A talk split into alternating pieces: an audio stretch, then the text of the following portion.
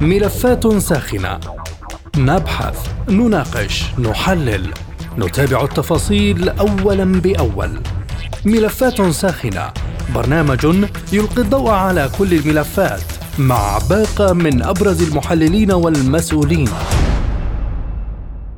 أهلا بكم مستمعي راديو سبوتنيك أينما كنتم وهذه حلقة جديدة من برنامج ملفات ساخنة. معكم في هذه الحلقة خالد عبد الجبار.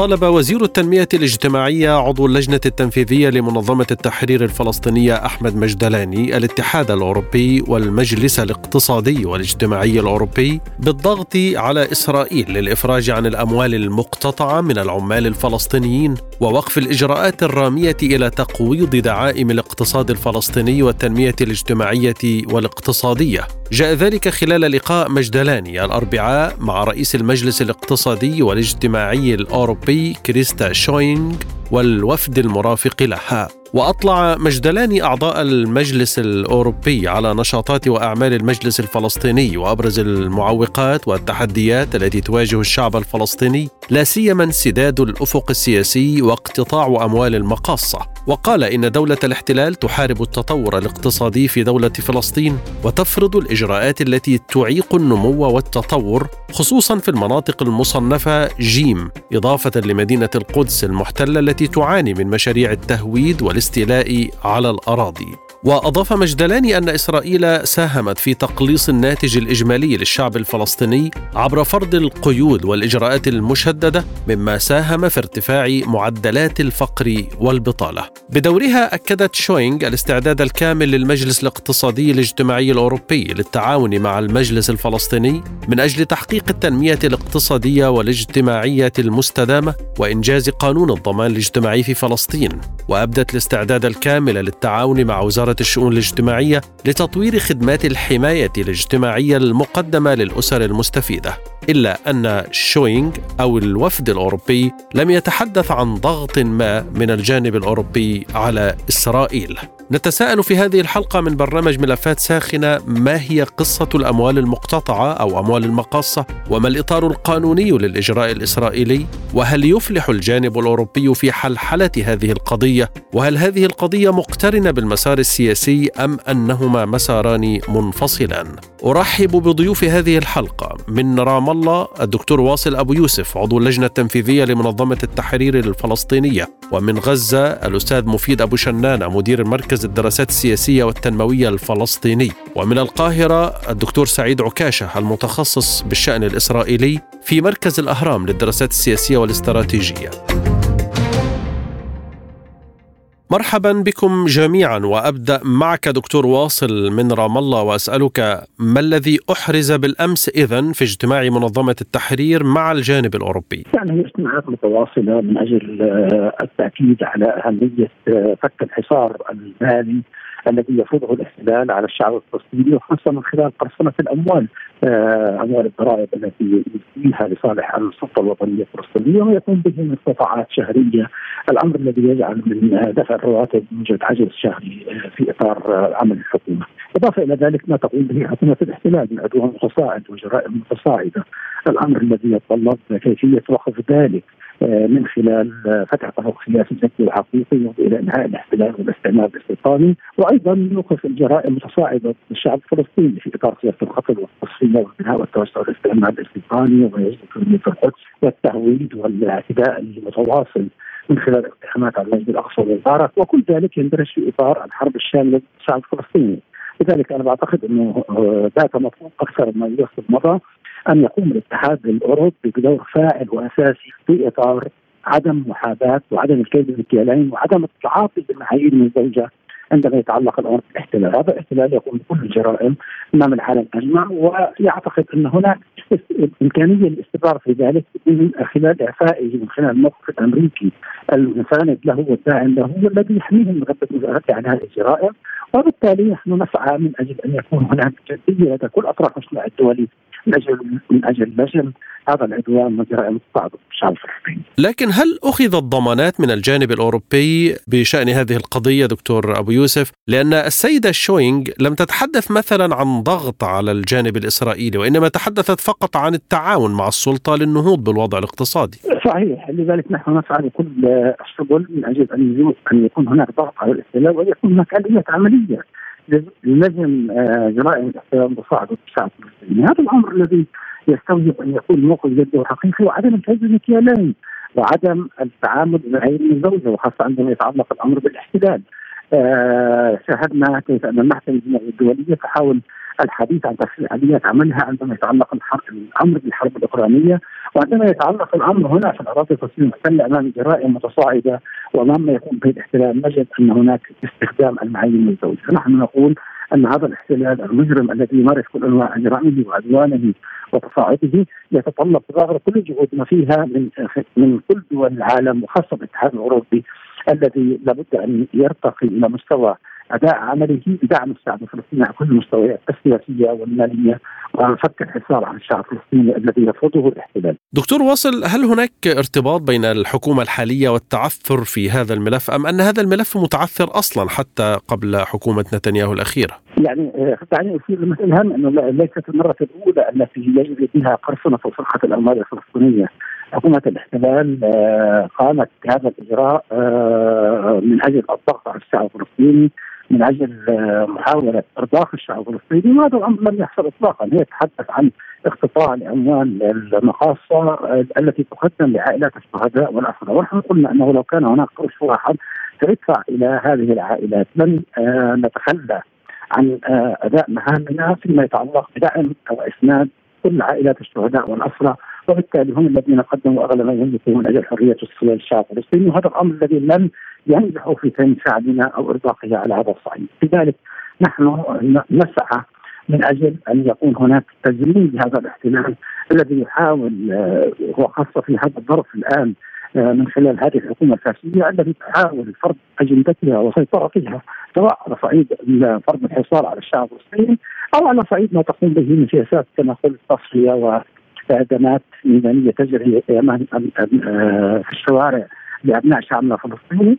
وهذا الأمر الذي يتطلب تضافر كل الجهود من أجل لجم هذه السياسة العدوانيه والفاسده لهذه الحكومة. الوفد الفلسطيني تحدث عن الإعاقة الاقتصادية خصوصا في المناطق المصنفة جيم إضافة لمدينة القدس المحتلة، هل لك أن توضح هذه النقطة للسادة المستمعين؟ بطبيعة الحال يعني تحاول حكومة الاحتلال آه، اولا الحديث عن أن المناطق المصنفة تحت جيم آه، وهي مناطق شاسعه تعادل 60% من أراضي الضفة الفلسطينية تحاول الحديث عن أنها آه، ممكن أن طبعا سياسة الهدم متواصلة، سياسة التهجير آه، كما يجري على سبيل المثال تهديدات سياسة طرد قسري لأهالي الخان الأحمر لمسافه يطفى في الجنوب في الأغوار الشمالية وأيضا ما ما يقوم به من هدم بيوت أيضا التنكيل آه، بأبناء شعبنا فلسطين في الاتهامات اليومية والاعتقالات التي تجري. وكل ذلك يندرج في إطار الحرب الشاملة ضد الفلسطيني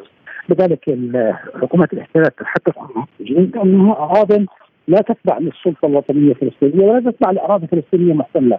هي تحاول فرض اجندتها على هذه الأراضي من خلال سلخ هذه الأراضي عن باقي الأراضي الفلسطينية المحتلة لتقوم باستمرار عدوانها وجرائمها ضد الشعب الفلسطيني وللحيلوله من إقامة دولة فلسطينية مستقلة وعاصمه القدس، نحن آه، عندما نتحدث عن حل سياسي وامر سياسي حقيقي يؤدي حرية استقلال الشعب الفلسطيني وأيضا يؤدي إلى بناء دولته الفلسطينيه المستقله وعاصمه القدس وحق العودة للاجئين حسب كل قرارات الشرعيه الدوليه والقانون الدولي وخاصة القرارات الصادرة عن مجلس الامن الدولي والجمعيه العامه للأمم للأمم المتحدة التي تضرب عقوبات الاحتلال كل هذه القرارات عرض الحائط وترفض الانصياع لتطبيق أي منها. لكن في ظل القرصنة الإسرائيلية التي أشرتم إليها دكتور واصل، كيف تدبر السلطة الفلسطينية التمويل اللازم لمصالحها؟ يعني آه، منذ أكثر من عام على سبيل المثال والسلطة الوطنيه الفلسطينية تدفع جزء من الرواتب آه، في ظل القرصنة الاحتلالية على آه، الرواتب. وبالتالي يعني بطبيعة الحال هناك عزوزات شهرية وهناك تراكمات تجري على هذا الصعيد والإحتلال بالطبع يضرب بعرض الحائط. كل ذلك هو لا يستشهد بأي من النداءات الدولية التي تتحدث عن ما يتعرض له الشعب الفلسطيني من حصار وكيف الظروف الصعبة التي يمرها الشعب الفلسطيني وأنا أعتقد انه هذا الأمر يعني لابد أن يكون له جدية فيما يتعلق بالزام الاحتلال.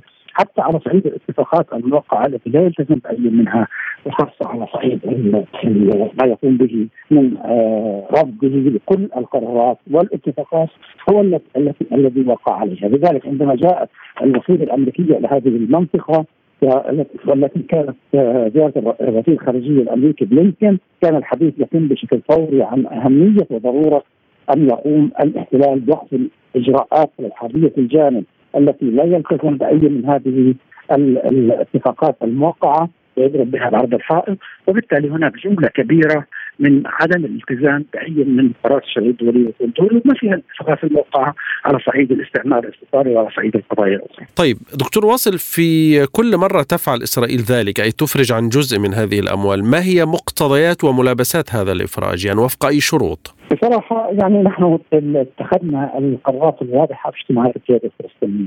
هذه جملة آه، من القرارات في مواجهة هذه الحكومة التي نرفض تماما أن يتم الاستجابة إلى أي من محاولاتها فرض كسر إرادة الشعب الفلسطيني. وبالتالي آه، اتخذت القيادة الفلسطينية و آه، القرارات في مقدمتها وقف التنسيق الأمني والقرارات المتعلقة بالوحدة واجتماع الفصائل وأيضا ما يتعلق بالذهاب إلى كل المؤسسات الدولية وفيها مجلس الأمن والجمعية العامة للأمم المتحدة ومجلس حقوق الإنسان والمحكمة محكمه العدل الدولية والمحكمة الجنائيه الدولية وكل كل ذلك في إطار آه، ما يمكن أن يشكل ردعا لهذا الاحتلال وحق للشعب الفلسطيني مواصلة هذه الجهود على كل المستويات المحلية والإقليمية والدولية، نحن نسعى من أجل تحقيق ذلك وقلنا أن الانحياز الأمريكي والدعم الأمريكي اللامحدود لهذا الاحتلال هو الذي يعطيه الضوء الاخضر للاستمرار في جرائمه وعدوانه الشعب الفلسطيني وهذا الامر أن يتوقف وقد سمع المفادون الأمريكيون ما يتعلق بهذا الأمر وسمعها وشاهدنا كيف جاء آه، وزير الخارجية الأمريكي يتحدث عن تهدئة في المنطقة ويتحدث عن تخفيض حدة الصراع ولا يجرم الاحتلال بما يقوم به من جرائم متصاعده في الشعب الفلسطيني، نحن نتحدث الآن منذ بدايه العام حتى اليوم عن 42 شهيد فلسطيني تم تصحيحهم بدم بارد وأيضا آه، استباحه لكل الاراضي الفلسطينية من خلال الاقتحامات والاعتقالات التي تجري ومن خلال استهداف أبناء شعبنا الفلسطيني. كل ذلك لابد أن يتوقف من خلال إرادة جاده للمجتمع الدولي تفرض على هذا الاحتلال تطبيقه وانصياعه لتطبيق قرارات الشرعية الدولية والقانون الدولي في مقدمتها القرار الصادر عن مجلس الأمن الدولي والتي ليس كان آخرها القرار 2334 2334 المتعلق بعدم شرعية وقانونية البناء والتوسع الاستعمار الاستيطاني بما في مدينه القدس المحتله وبالتالي أنا بعتقد إنه لابد أن يكون هناك إرادة للمجتمع الدولي لفرض ذلك على الاحتلال ومن أجل أيضا التأكيد على أن شعبنا الفلسطيني لن تكسر سيبقى متمسكا بحقوقه وثوابته ومقاومته من أجل حريته واستقلاله. شكرا لك الدكتور واصل أبو يوسف عضو اللجنة التنفيذية لمنظمة التحرير الفلسطينية من رام الله.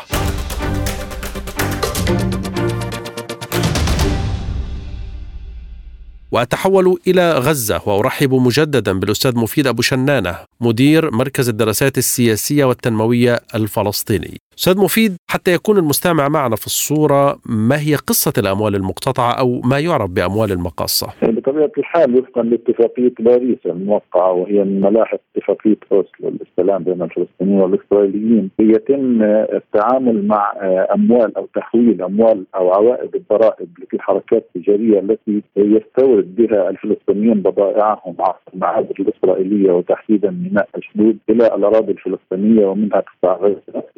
هذه الأموال يتم تجميعها في الخزينة الإسرائيلية وكلما كان يعني عده شهور يتم تحويل هذه العوائد لصالح خزينة السلطة الفلسطينية بدون يعني استثمارها بأي شكل من الأشكال دولة الاحتلال. الذي حدث منذ تولي حكومة نتنياهو الأخيرة السلطة والصعود اليمين المتطرف إلى هذه الحكومة اتخذت إجراءات سياسية جديدة بحق السلطة الفلسطينية هي تريد تضييق الخناق على السلطة الفلسطينية ومن ضمن هذه الإجراءات اقتطاع نحو 139 مليون شيكل وتحويلها إلى ما يسمى لديهم بضحايا العمليات الإرهابية بين الزوجين يعني بشكل قسري وبدون موافقة السلطة الفلسطينية على هذا الإجراء. شكل من أشكال العقوبات للشعب الفلسطيني وللسلطة الفلسطينية. لكن برأيك هل تفلح المحاولات الأوروبية في حل هذه المشكلة أم أنها مشكلة لها خصوصية؟ لا ليس له خصوصيه، هناك رعاة لاتفاق السلام بطبيعة الحال وهذا الاتفاق يعني وقع في أوسلو وترعاه بشكل كبير دولة النرويج على بشكل خاص، وهؤلاء السفراء الذين وصلوا إلى رام الله بالأمس والتقى معهم السيد أحمد مزدلاني كان بهدف تشكيل رافع للضغط على دولة الاحتلال وتحديدا هذه الحكومة الجديدة التي ستضرب بعرض الحائط كل ما يتعلق باتفاقية أوسلو وتضرب بعرض الحائط كل ما نتج عنها.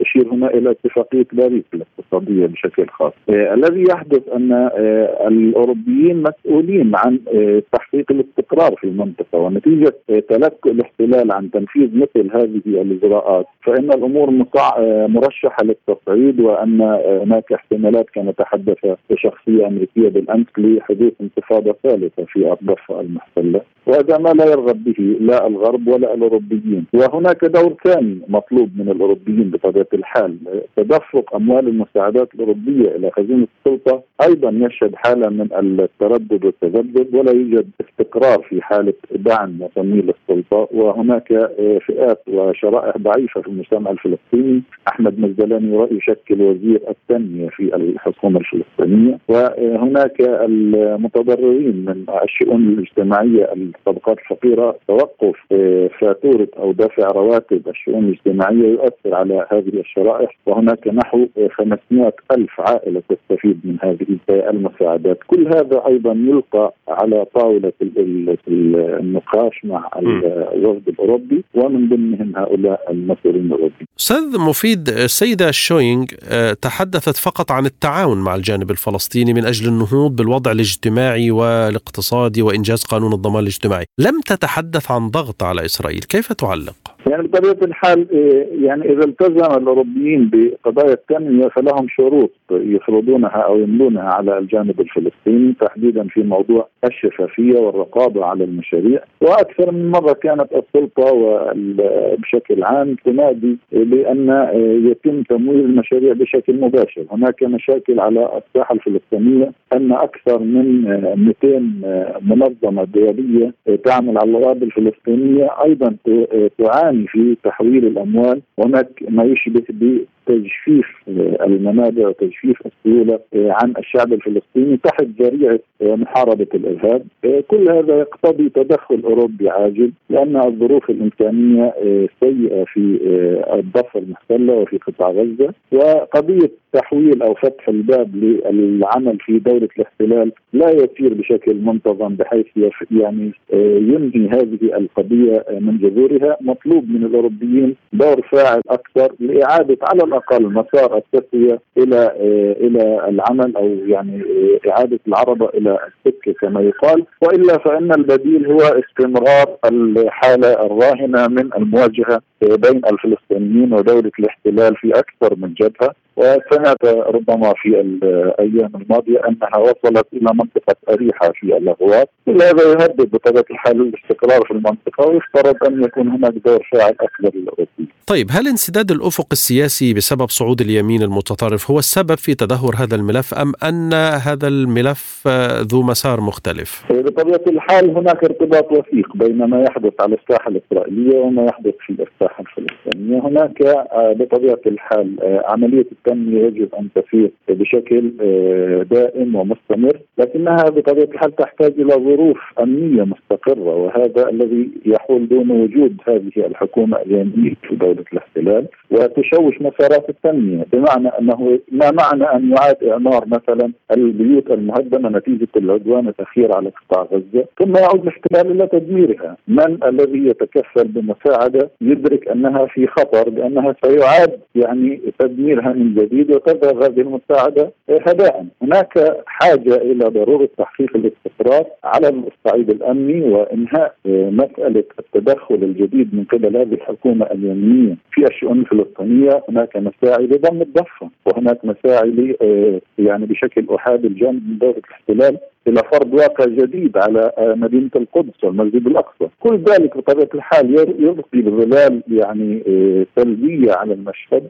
ويعرقل بطبيعة الحال مشاريع التنميه التي الاتحاد الأوروبي في الساحه الفلسطينيه. لكن أستاذ مفيد ما الدافع وراء اهتمام الجانب الأوروبي بهذا الملف ملف التنمية الاجتماعية في فلسطين وما هي شروطهم؟ يوجد يوجد بشكل مستمر آه، معيقات لعملية التنميه ويوجد معيقات دائمة على صعيد الازدهار الازدهار تحقيق الازدهار الاقتصادي في الساحة الفلسطينية، لكن بطبيعة الحال الأوروبيين كلما يعني آه، أدركوا أن الأمور تفاقمت بشكل غير مقبول يتدخلون في الدقائق الأخيرة. يعني في الدقيقة 92 يعود ضخ الأموال إلى خزينة السلطة وتعود الأمور بشكل متدرج إلى محاولة منع تدهورها آه، لكي لا تتحول إلى كارثة على الصعيد الانساني. هذا الدور الأوروبي بطبيعة الحال يشهد شد وجذب يرتبط بالمشهد السياسي، يطلب من السلطة الفلسطينية كثيرا إبداء مرونة أكثر في جوانب الرقابة والتفتيش، يطلب منها إعادة الانتخابات يعني تجديد الشرعية وهذا طلب من الرئيس أبو مازن في عام 21 وأوقفت المساعدات إلى أن اضطر أبو مازن إلى يعني الاعلان وإصدار قانون يتعلق بالانتخابات في مايو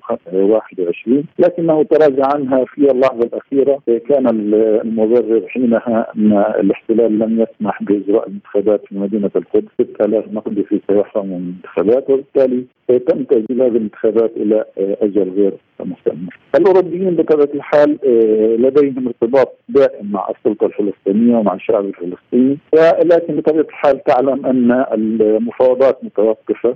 ولا يوجد يعني إلا الاستيطان ولا يوجد إلا الممارسات الإسرائيلية احاديه الجانب. وفي المقابل هناك مقاومة فلسطينية صاعدة في ساحة الضفة و يعني تتفاقم الأمور بشكل اسوء يوما بعد يوم على الصعيد الإنساني والاقتصادي للشعب الفلسطيني في الضفة وفي قطاع تاريخيا أستاذ مفيد حتى يكون أيضا المستمع معنا في الصورة، هل سبق أن أفرجت إسرائيل عن جزء من الأموال المقتطعة ويعني وفي ظل اي ملابسات؟ على الصعيد الإسرائيلي كان على سبيل المثال في حكومة لبيد بنت السابقة كانت أموال محتجزة منذ حكومة نتنياهو التي سبقتها وأفرجت عنها، أفرجت أيضا في إطار تعزيز مكانة السلطة وتقوية مكانتها عن 530 مليون شيكل قبل أيضا نحو عامين، يتم حجز الأموال أو عرقله آه، وصولها إلى السلطة بشكل آه، لتمرير سياسات معينة أو الضغط على السلطة لتنفيذ أشياء معينة إذا توقفت على سبيل المثال عن التنسيق الأمني، لكن يعاد آه، يعني ضخ هذه الأموال إلى خزينة السلطة وتسليمها إلى السلطة عندما يتدخل الوسطاء. المختلف هذه المرة وجود حكومة يمينية وهذه الحكومة قررت ليس فقط سحب أموال المقاصة نتحدث عن 139 مليون شيكل وإنما تحويلها إلى آه، ما يسمى لديهم بعائلات آه، ضحايا العمليات الإرهابية أو العمليات التفجيرية التي وقعت في الماضي على آه، في المدن والبلدات الإسرائيلية. شكرا لك أستاذ مفيد أبو شنانة مدير مركز الدراسات السياسية والتنموية الفلسطيني من غزة.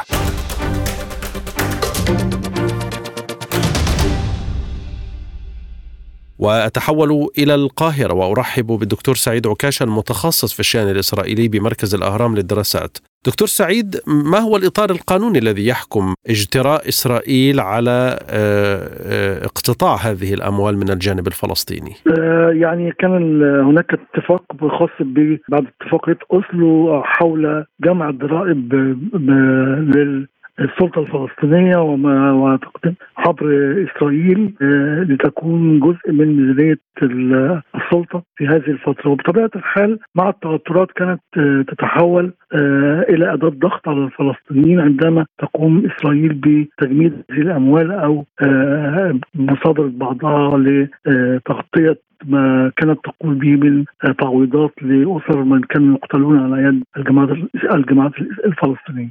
هل هو مقترن بالمسار السياسي أم لا؟ هو مقترن يعني من المفترض من الناحية القانونية إنه لم يكن هناك يعني مثل هذا الحديث عن إنه من حق اسرائيل لا تجمد هذه الأموال أو تقتطع منها ولكن كما هو معروف اوسلو انتهت عمليا على الأرض لم تعد موجودة السلطة الفلسطينية فقط هي الباقيه من بقايا أوسلو. أما الاتفاق في حد ذاته فقد انتهى تماما. إسرائيل يعني قامت بانتهاك الاتفاق بالكامل ومنه اهمه هو هذه النقطة الخاصة بمسألة حقوق السلطة الفلسطينية. فهي مسار سياسي منتهي ومسار يعني قضاء ومسار قانوني بالنسبة لإسرائيل تطبق ما ترى انها القوى المهيمنة. لكن تاريخيا كما عرفنا منذ قليل دكتور سعيد الحكومات الإسرائيلية المتعاقبة أفرجت عن بعض الأموال وفق أي مقتضيات برأيك؟ يعني كما ذكرت كان آه يعني منذ سنوات قليلة أصبح الشعار الذي يتبناه نتنياهو تحديدا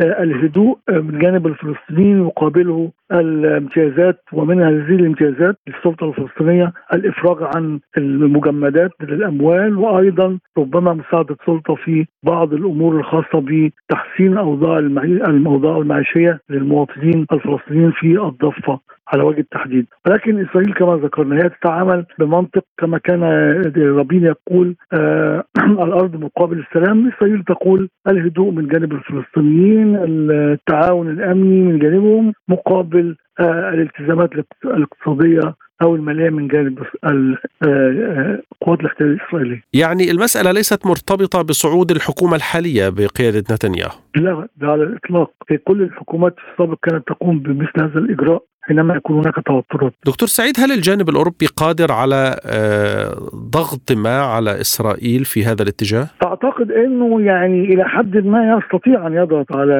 إسرائيل لديه بعض الأوراق التي يمكن أن يستخدمها مثل ما فعل عندما كان يضع بعض العلامات على آه، الصادرات الإسرائيلية التي كانت تأتي من المستوطنات آه، الاتحاد الأوروبي كان يهدد أو في دول أوروبية كانت تهدد بوضع علامات على هذه آه، البضائع كي يعني يعرف الجمهور الأوروبي ولا يقوم بشرائها إذا أراد الا يشتريها. آه، هناك أيضا إن إسرائيل لديها يعني علاقات اقتصادية مهمة جدا مع القاره الأوروبية وتعتبر أهم الصادرات آه، أهم مجال لتصدير يعني معظم الهاي تك الإسرائيلي إلى الدول الأوروبية. وبالتالي يمكن أيضا بامتناع أوروبا عن أو الدول الأوروبية عن شراء البضائع الإسرائيلية أن تؤثر على الاقتصادات الإسرائيلية. آه، يعني هناك أيضا عملية التصويت لصالح الفلسطينيين في المنظمات الدولية. يعني كل هذه الأوراق في يد الاتحاد الأوروبي وبالتالي يمكن استخدامها جزئيا للضغط في على إسرائيل في بعض الأحيان يعني. طيب حضرتك ذكرت أوسلو آه، والإطار القانوني لهذه القضية من أوسلو، هل ترتيبات الحل النهائي فيما بعد أوسلو تضمن آه، أو تطرق لهذه القضية ووضع حلا لها؟ لا يوجد تفاصيل كثيرة يعني أوسلو كانت تركز على المسار آه، السياسي بشكل أساسي حول كما نعلم يعني كانت هناك اتفاق حول ان ينتهي الأمر تماما في غضون سبعة أعوام منذ التوقيع في 93 عام 2000 ولكن في نفس العام انفجرت الأوضاع وادت إلى الانتفاضه الفلسطينية وأصبحت إسرائيل يعني تمارس ما تراه يحقق أمنها ولا تلتزم بأي اتفاقات ولا تحاجج يعني أحيانا السلطة الفلسطينية تتحدث عن الاطار القانوني ولكن عمليا أوسلو ليست على مسبقة اسرائيل لديها الحجج لتقول هناك آه، انتهاكات من جانب الفلسطينيين للاتفاقية ونحن لن لن نلتزم بها أيضا. شكرا للدكتور سعيد عكاشه المتخصص في الشأن الإسرائيلي بمركز الأهرام للدراسات السياسية والاستراتيجية من القاهرة. وشكرا لكم مستمعينا الكرام للمزيد زوروا موقعنا سبوتنيك دوت اي إلى اللقاء. مستمعينا بهذا نصل وإياكم إلى نهاية هذه الحلقة من برنامج ملفات ساخنة. طابت أوقاتكم وإلى اللقاء.